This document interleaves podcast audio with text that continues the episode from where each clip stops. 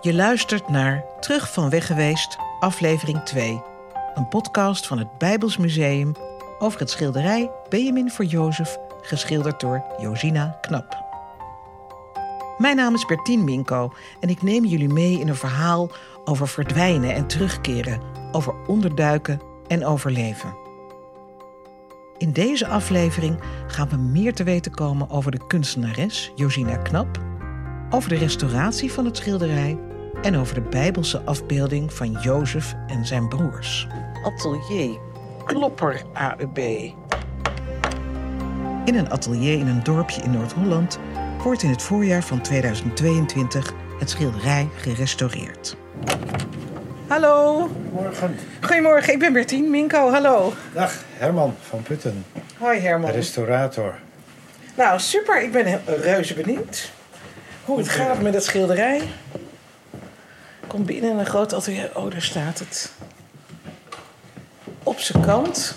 Het staat op zijn kant. Ja, ja, dat moet wel, want hij is te groot om rechtop te zetten in mijn atelier. Het plafond is dus niet zo hoog en het is een heel groot schilderij van eh, drie meter bijna, hè, geloof ik. Ik ben het zelfs even kwijt. Dus nee, hij staat nu weer eh, op zijn kant. Ja, inmiddels is, is het eh, doek gerepareerd. Er zaten heel veel scheuren in. En ehm, hebben we er ook een tweede doek achter geplakt eigenlijk. Het is gedoubleerd.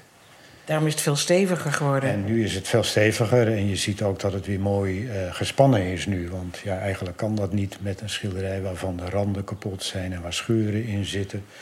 Dat kan je niet. Ja, je kan het wel opspannen, maar dan zou het eigenlijk nog verder scheuren. En, eh, nou, op deze manier door zo'n tweede doek erachter te zetten en een nieuw spiraam eh, te laten maken, want dat bestond niet meer. Het kwam, kwam in opgerolde toestand bij mij binnen.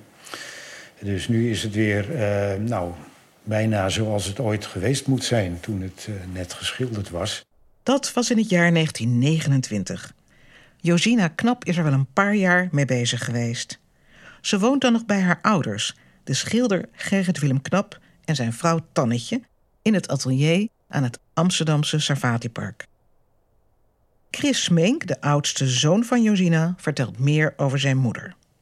Ze heeft nooit een echte opleiding gehad, een echte kunstopleiding. Waarom? Daar ben ik helemaal niet achter. Het zou best eens kunnen zijn dat mijn grootvader die academie maar niks vond voor een meisje, zoals mijn moeder. Hij had ook graag dat, eh, dat zijn kind eh, in de buurt was, want dan kon hij erop letten. Gerrit Willem was eigenlijk een klein beetje overdreven zorgzaam. Ze is als enig kind niet alleen de vanzelfsprekende oogappel van haar vader, maar ook een beetje zijn project. Hij maakte zelf een gigantisch schilderij, een stadsgezicht van wel 2 bij 2,5, en daagt zijn dochter uit om ook een groot monumentaal werk te gaan maken. En dat schilderij dat is dus echt groot. Want het meet twee meter in de breedte en drie meter in de hoogte. Dus ze heeft daarmee eigenlijk het schilderij van haar vader overtroffen. Het was nog groter. En om dat te maken, dat was natuurlijk een heel eh, proces. Want je, ze was maar een klein eh, eh, persoon. Ze kon dus niet eh, drie meter hoog met een penseel bezig zijn. Ondertussen wordt het schilderij op het atelier van Herman goed onder handen genomen om het weer toonbaar te maken voor het publiek. Wat ik ook straks nog weer ga doen, is hier een, een, een tweede dunne vernislaag op aanbrengen. Waardoor die oude vernis weer een beetje transparanter wordt. En eh, ik kan je dat wel even laten zien. Dan pak ik een watje met wat um, terpentine. Gewoon met terpentine? Ja, in dit geval neem ik een beetje terpentine. Ik pak even een kwastje. En die terpentine doet verder niets meer met... Uh, die lost niks op, hoor. Maar wat er wel gebeurt is dat, dat je een beetje kan zien wat er gebeurt wanneer je hem vernist. Dan zie je ineens dat het weer doorzichtig wordt. En ja, dan verandert die donkere verflaag of die grijze laag... verandert ineens in een, eigenlijk een hele diepe donkere verflaag. Hè, waardoor dat schilderij ja, niet ineens de lichte dingen veel verder naar voren komen. Er komt, er komt weer diepte in. Ja. Dus dat, dat gaat een heel groot verschil maken. Ik vraag hem wat hij kan zeggen over haar stijl en de techniek. Nu ik het schilderij uh, zo, uh, zo zie, in, dit schilderij zie, dan denk ik... goh, het is, het is heel best wel uh, ruig. Er zit heel veel expressie in. Het is, het is niet zo realistisch geschilderd, maar soms bijna een beetje karikaturaal. En, en ook wel ruig. Dus ja, He, Met grove streken. Het is, het is meer expressionistisch in die zin van het... Uh, de, de, wat, wat er verteld moet worden is belangrijker dan, dan de realistische weergave, laat ik het zo, zo noemen. Dus ja, het is, toch wel een heel monumentaal uh, ding, ook vind ik, schilderij. En ja, ik vind ook die, die contrasten die je ziet in bijvoorbeeld die huidtinten, dat varieert van een, een koel grijsgroen tot, tot een warm uh, okerachtige tint. Dus daar gebeurt ook al heel veel binnen zo'n vlak als dat gezicht uh, hè, van de staande figuur. Jozef. Jozef. Ja, dat vind, dat vind ik wel interessante dingen. Jozef, zijn naam valt. Een bijbelse figuur. Wie was hij ook alweer? En wat is dat voor een verhaal? Daarover ga ik met twee verschillende mensen praten. Met een rabbijn en met de theologe Janneke Stegeman. Het grappige is, ik ging ooit theologie studeren en toen dacht ik nog, nou die bijbelvakken lijken me eigenlijk heel saai. Ik denk niet dat dat echt iets voor mij is. Maar toen uh, leerde ik Hebreeuws. Nou, dat vond ik al fantastisch. Dus om, om, ook om een taal te leren, een Semitische taal, die echt wel wat verder af ligt van de Europese talen. Dus dat was al, nou, het was echt een openbaring. Ik had er zoveel plezier in. En um, en ik denk, ik ben christelijk opgevoed. En ik had toch het idee, ja, het Nieuwe Testament is me iets te keurig. Dat weten we allemaal wel. En dat die brave Jezus en zo, het zal wel. En ik dacht, het Oude Testament, ja, daar zit zoveel levendigheid in. Ook zoveel gekke dingen die ik niet begrijp. Het komt uit een hele andere wereld. Uh, het zijn ook gewoon hele oude teksten. Dus ook de fascinatie om met zulke oude teksten bezig te zijn. Ja, dat vond ik heerlijk. Rabijn Lodi van der Kamp weet alles over die hele oude teksten want die vormen de bron van het Jodendom. Hij geeft eerst een samenvatting op hoofdlijnen van het verhaal van Jozef en zijn broers. Jozef die was door zijn broers verkocht om uiteindelijk terecht te komen in Egypte als slaaf. Uh, er was een jongere broer van dezelfde moeder, Benjamin. Die was er helemaal niet bij. Jozef had een hechte band met Benjamin. En nou, dus hij komt in Egypte terecht en na zoveel jaren, 22 jaar later, staan de broers ineens voor Jozef. Want zij komen graan kopen omdat er hongersnood is in het oude Palestina.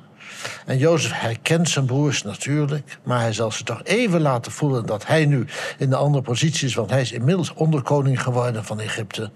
En hij eh, stuurt eerst de broers terug naar hun vader Jacob. Uiteindelijk komen ze weer terug voor een nieuwe voorraad. En dan zegt Jozef, nu wil ik ook dat jullie jongere broer meebrengen, Benjamin. En uiteindelijk komt Benjamin ook weer terug. Maar Jozef die laat de broers toch even zien wie hij is. En zorgt dat uh, de zilveren beker van Farao... die wordt verstopt in de zak met graan van Benjamin. En... Uh, ze gaan weer terug naar Palestina, maar daar uh, onderweg worden ze tegengehouden, want de beker van de onderkoning is verdwenen en die blijkt in de zak van Benjamin te zitten. Dus allemaal weer terug.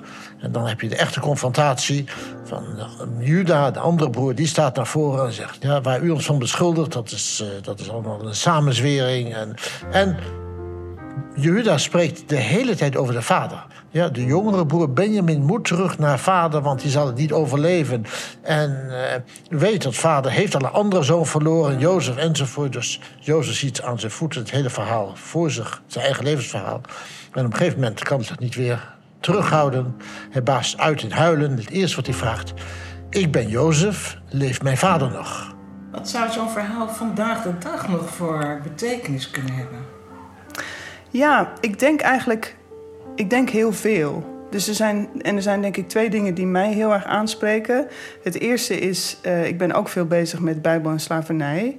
En um, een heleboel theologen uh, hebben uh, niet zoveel op slavernij tegen gehad. Of die gingen heel erg mee in het verhaal. Of in die ideologie eigenlijk. er komt ook veel slavernij voor in de Bijbel, dus dat kun je dan ook wel verdedigen. Maar er was ook één theoloog, Smijtegeld. En die zei, uh, nou ja, die handel in mensen, dat mag gewoon niet. Kijk maar naar Jozef. Weet je, dat, je wil niet dat dat gebeurt. Dat mensen zo met elkaar omgaan. En vervolgens, ik denk Jozef is het meest bekend uh, vanwege de jas die hij krijgt van zijn vader. Uh, dus die, en dat wordt vaak begrepen als een veelkleurige jas. Uh, maar de term die daar staat, het Hebreeuws is ketonet passim. Um, en dat komt maar op één andere plek voor. En daar zit heel duidelijk een vrouwenmantel. Zelfs een mantel die een, een maagdelijke vrouw draagt. Dus eigenlijk lijkt het erop dat Jozef zich kleedt als een vrouw. En um, wat dan helaas ook wel herkenbaar is, is dat dat dan de woede van zijn uh, broers misschien opwekt. Om, nou, het is helaas uh, vaak nog steeds zo dat, dat mensen die zich niet houden aan de normen, uh, dat anderen daar niet tegen kunnen en zelfs gewelddadig van worden.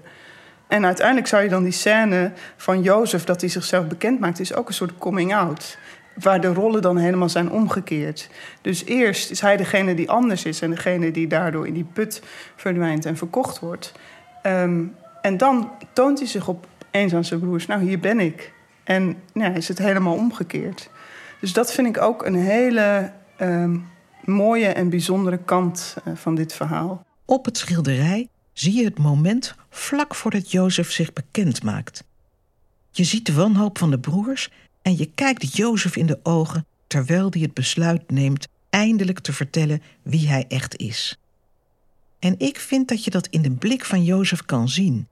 Die ogen, daar zit alles in. Leeft mijn vader nog? Dat is de eerste vraag die Jozef aan zijn broer stelt als hij verteld heeft wie hij is. Hoe kan hij vragen, leeft vader nog? Vader leeft nog. Wat bedoel je daarmee? Nou, zijn leraar die legde die vraag voor aan zijn leerlingen op de Joodse school. En zei, wat zou Jozef hiermee bedoelen?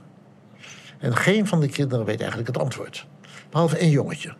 En dat is een jongetje met een eigen levenservaring. Een jong, jong, jong een jaar of tien.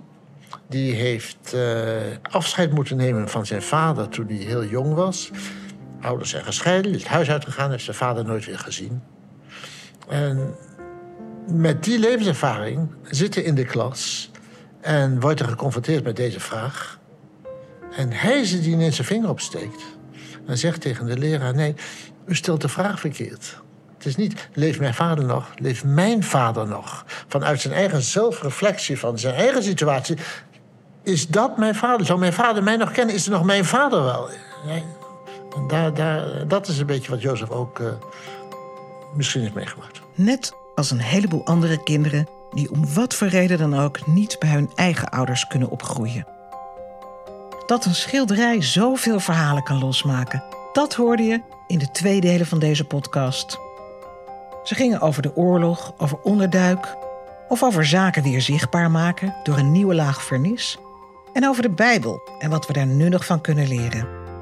Het ging over mijn moeder Stelly, die tijdens de oorlog ook ergens anders moest opgroeien en zich elke dag afvroeg of haar vader nog leefde. En over Josina Knap, die de oogappel was van haar overbeschermende vader en zich van hem losmaakte door middel van het monumentale kunstwerk Benjamin voor Jozef. Het schilderij dat nu weer terug is op bijna dezelfde plek waar het ooit hing, op het Amsterdamse Ignatius Gymnasium, terug van weg geweest.